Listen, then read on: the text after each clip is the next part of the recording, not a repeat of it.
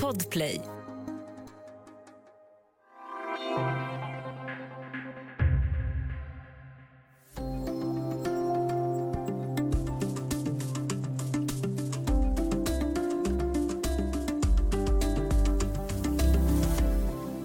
Brasiliens regnskog bränns ner för att skapa betesplatser åt nötkreatur. Och det med president Bolsonaros goda minne. Vad får Brasiliens hantering av Amazonas för konsekvenser lokalt och globalt? Och varför brinner regnskogen just nu? Välkommen till Studio DN med mig, Ylke Holago.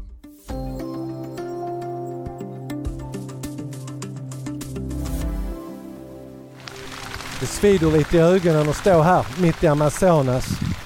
Få röken i ögonen av regnskogen som brinner upp. Och den här doften av bränt överallt.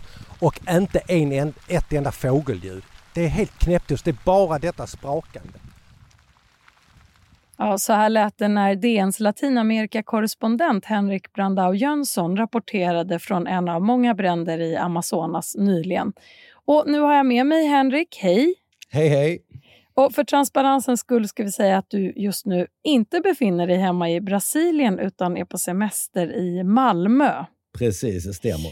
Ja. Och innan du fick ta ledigt så besökte du alltså Amazonas tillsammans med vår fotograf Lotta Herdelin. Vad var det som mötte er där? Alltså, vi kom ju till Amazonas mitt under brandsäsongen som man kallar det. Och det är ju så att eh, Amazonas har ju torrperiod, börjar någon gång i maj-juni. Och då eh, så skövlar man, man passar på att skövla då så att man fäller träden och så låter man solen torka löv och grenar och sånt där. Och då när det är riktigt, riktigt torrt så sätter man fyr. Eh, och det är det som sker just nu. Eh, nu. Augusti fram till september så kommer man att fortsätta sätta fyr på de här stockarna för att de ska brinna upp så att man kan så gräs och släppa ut boskap på markerna. Vi ska återkomma till diskussionen som det här ger upphov till i Brasilien och över hela världen. Men jag skulle bara vilja fråga först, du har ju besökt Amazonas runt 25 gånger under... 20 års tid, ja. ja. Hur har området förändrats genom de här åren? Alltså det har ju alltid skövlats. Det har liksom pågått en, en skövling. Man tuggar sig in alltså söderifrån. Där det finns vägar så tuggar man sig in i Amazonas. Det, det pågått. Men vad som har hänt nu är att den har blivit mer kriminell. Alltså det är mer organiserat, de är beväpnade.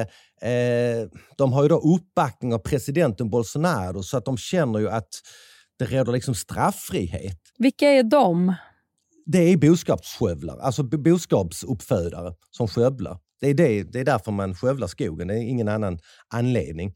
Och de passar på nu för att de har liksom Bolsonaro i ryggen han, han stödjer dem och då, eh, ja, då fortsätter de att skövla. Och så finns det då inte något miljöskydd, för tidigare så har det ju varit eh, alltså Naturskyddsverket, Ibama och den federala polisen kan gripa in. Men under pandemin så har de liksom inte kunnat arbeta. Och de har också, liksom, Bolsonaro har ju bytt ut cheferna på Naturskyddsverket så det finns ju inte samma vilja som tidigare att hindra den illegala skövlingen. Så det är, det är nästan fritt fram att skövla.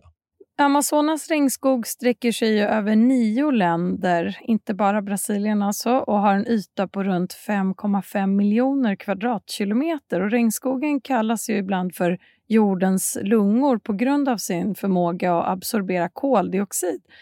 Vad betyder Amazonas för hela planetens miljö och klimat, skulle du säga? Ja, alltså man skulle kunna kalla Amazonas för världens luftkonditioneringsaggregat.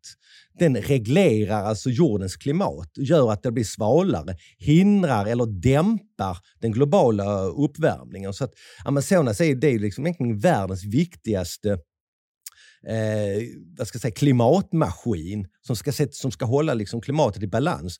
Vad som tyvärr har hänt nu på grund av de här bränderna det är att regnskogen binder inte lika mycket koldioxid som tidigare.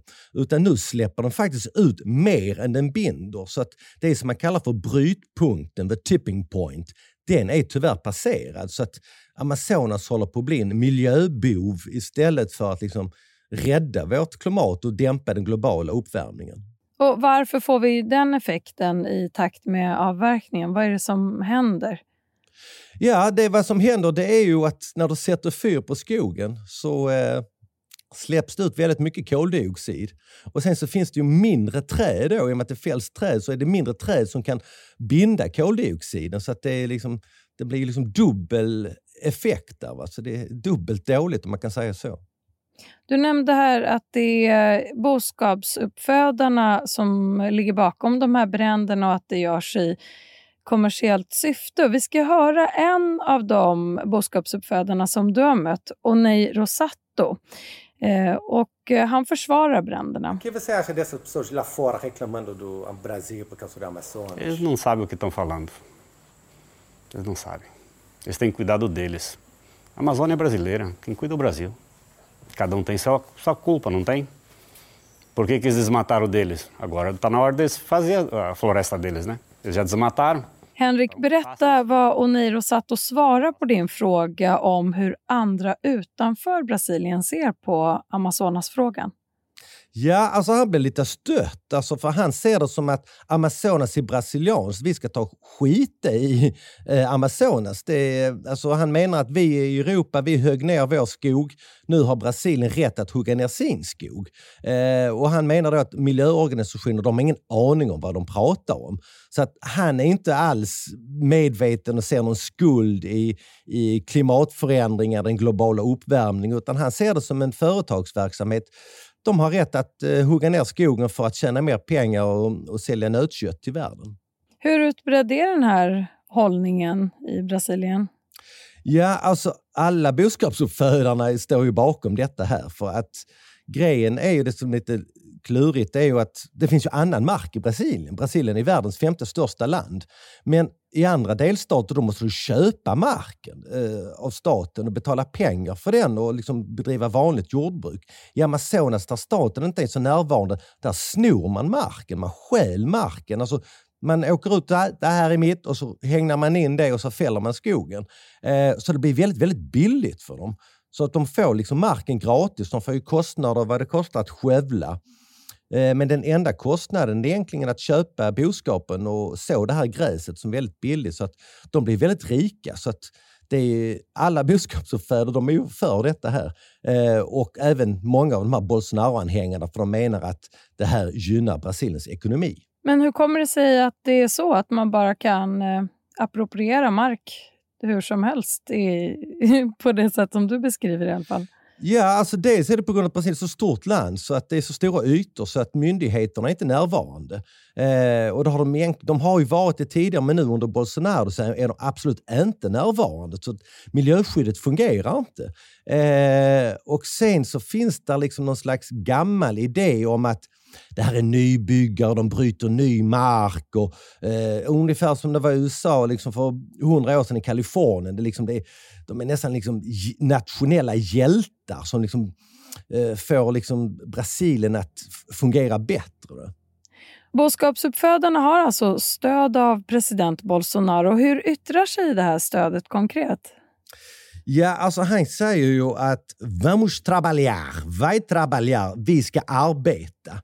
Och arbeta, då menar han liksom, ja, skövla och eh, se till att så gräs och få ut den här boskapen. Så att Bolsonaro ser ju de här som hjältar, de som skövlar. De skapar liksom ett modernare Brasilien, ett Brasilien som kan sälja mer nötkött, generera mer, mer eh, ekonomi mer pengar. Så att han uppmuntrar dem. Och Sen är det också lite macho. Så här, det är ju män där uppe i, i regnskogen och Bolsonaro tror ju också det här, liksom, det är männen som ska bryta den vilda djungeln. Så att han, han får liksom även ett sånt, budskapsförförarna får även ett sånt stöd från honom. Men det är inte alla som stödjer den här utvecklingen och att regnskogen skövlas. Hur ser de ideologiska skiljelinjerna ut i Brasilien när det gäller bränderna och skogens framtid? Ja, alltså det har ju varit så att när Brasilien då styrdes av arbetarpartiet Lula da Silva så fanns det liksom ett mer medvetande om regnskogen och miljön. Men det var ju inte så att det var i himmel då, utan det skövlades ju ändå. Eh, men miljöskyddet var bättre. Men nu så har det här blivit, alltså nu pratar jag liksom om de senaste åren, så har det ju blivit så att Lula da Silva då från Vänsterpartiet, Arbetarpartiet, han har börjat bry sig mer om eh, miljön. Så att nu är det val nästa år i Brasilien och då kommer Amazonas för första gången äntligen bli en fråga. Eh, och inte fråga om att utöka skövlingen utan om att stoppa den. Så det har blivit, det kommit upp på agendan tack vare omvärldens eh, agerande. Så har liksom Brasilien sakta men säkert insett att nej, vi måste skydda Amazonas. Och det är ju då främst folk som röstar då på det här arbetarpartiet, alltså inte Bolsonaro-anhängare, utan det, det, är mer folk som ligger till mitten och vänster och det är framförallt unga människor som bryr sig. Vi ska ta en kort paus och sen prata om Amazonas ursprungsbefolkningar som organiserat sig mot skövling och bränder av skogen.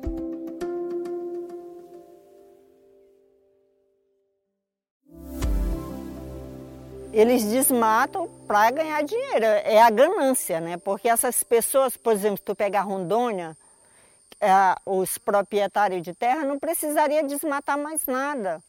O que tem desmatado já, já era suficiente para ter uma boa produção, uma excelente produção. Mas a ganância faz com que essas pessoas cada vez desmatem mais, avancem sobre a floresta, destruindo a floresta. De skövlar för att tjäna pengar. Allt handlar bara om girighet. Boskapsuppfödarna i Rodonia behöver inte skövla mer mark. De har tillräckligt och får bra avkastning. Men girigheten gör att de vill ha mer och mer och därför förstör de regnskogen. Ja, det säger Neijinha Cardoso, talesperson för urfolksorganisationen Canindé som hjälper ursprungsbefolkningen att skydda sina reservat mot vita farmare som utan tillstånd placerar ut boskap och avverkar skog. Henrik Brandau Jönsson, det här klippet kommer från en intervju som du har gjort. Eh, vilket utrymme har frågan om skövlingen av regnskogen i den brasilianska debatten? Ja, alltså den är ju inte så stor egentligen. Alltså det har inte, jag menar, jag tycker vi pratar mer om eh, miljöförstörelse och global uppvärmning i Sverige än vad man gör i, i Brasilien och Amazonas. Eh, men sen så finns det ju då de här hjältarna då som Neginha Cardoso då som har, kom till regnskogen för 50 år sedan och har liksom följt utvecklingen och stöder då urfolken för att urfolken är ju de bästa miljöförsvararna för de, de skövlar ju inte för de lever på skogen. Eh, och de har ju ganska stora reservat, alltså den här Uruewawa-stammen som hon hjälper, de har ett område som är stort som hela Västergötland. Alltså enormt område. Men i och med att det är så stort så kan de inte bevaka det så att vita farmare tar sig in bakvägen, fäller träd och placerar ut sin boskap där. Alltså totalt illegalt. Eh, och då får de här urfolken, de går på sina bevakningsrundor då och när de hittar de här skövlarna så griper de dem och ringer polisen. Så blir de gripna men de får ju sällan fängelse. Eh, det fortsätter. så att det är liksom, de jobbar ju verkligen i motvind. Du nämner här att boskapsägarna är vita. Hur spelar det in i den brasilianska politiska dynamiken? Ja, alltså det är ju så. Brasilien, vi glömmer det ibland, men det, det är ju väldigt stort land. Det är världens femte största land och det är ju bosatt av europeiska migranter. Och de kom ju framförallt till södra Brasilien där klimatet påminner om Europa. Eh, så det är tyskar, italienare, en del svenskar också. De kom till de södra delstaterna och började odla upp mark i, början, eller i slutet på 1800-talet. Men redan typ sådär på 50, 60 och 70-talen då var ju marken uppodlad. Det fanns liksom inte mer mark. Och då började de här vita farmarna ta sig upp i Amazonas. Inte längs med kusten utan de liksom tog sig in bakvägen upp i Amazonas med sin boskap. Eh, och de kom då med sin kultur, sin europeiska kultur och många av de här är då rasister. De tycker inte om urfolken. Eh, det var faktiskt så att det är en hel del som har dödats av de här vita farmarna. Och de farmarna de har liksom, ja, de de är laglösa, så de ger sig upp laglösa och så har de någon slags, den här Onei han har någon slags idé om att det är bara han, de vita, som kan få ordning på, på Brasilien och regnskogen. Så att de står ovanför lagen. De vill ha fritt fram. Om vi lyfter blicken och tittar på miljökonsekvenserna, hur märks bränderna och skövlingen lokalt? Alltså lokalt är det att det är väldigt, väldigt mycket rök. Alltså det är hundratals bränder, alltså det kan vara upp mot tusentals.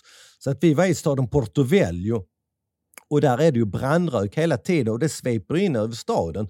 Eh, och barn andas in den här eh, brandröken, får åka till sjukhus med andningsproblem.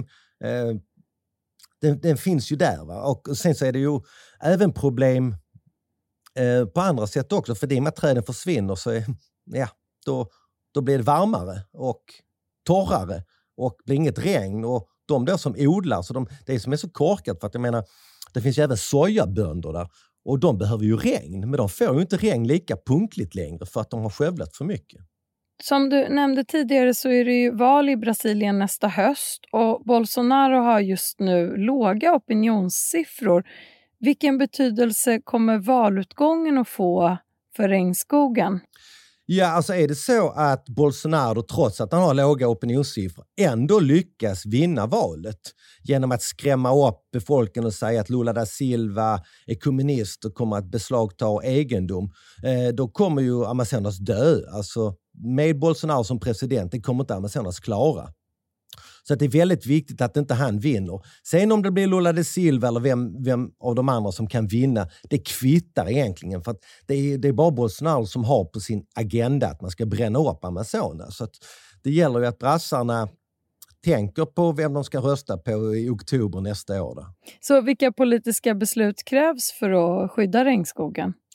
Man måste fortsätta eh, alltså stödja Naturskyddsverket, sätta dit rätt chefer, alltså chefer som vill skydda Amazonas. Vi ska ju tänka på att vem har varit miljöminister under Bolsonaros tid? Jo, det har ju varit en skövlare som dessutom har åkt fast i en, eh, en skandal där han har sålt timmer, illegalt skövlat timmer till USA. Så att har man en miljöminister som skövlar och dessutom tjänar egna pengar på det. Nu fick han ju sparken, men ändå, han har ju suttit nästan i tre år med den politiken. Så man kan ju inte ha en miljöminister som skövlar. Han, här har vi kallat honom i Brasilien för antimiljöministern för att han är emot miljön. Där. Så att man behöver ju en ordentlig miljöminister som kan styra upp det hela. Tack Henrik Brandau Jönsson, DNs Latinamerika-korrespondent. Tackar. Studio DN görs för Podplay av producent Sabina Marmulakai. Teknik Jonas Lindskog, Bauer Media och jag heter Ylke Holago.